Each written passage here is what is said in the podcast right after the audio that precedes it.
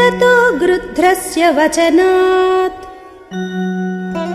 सम्पातेर्हनुमान् बली शतयोजनविस्तीर्णम्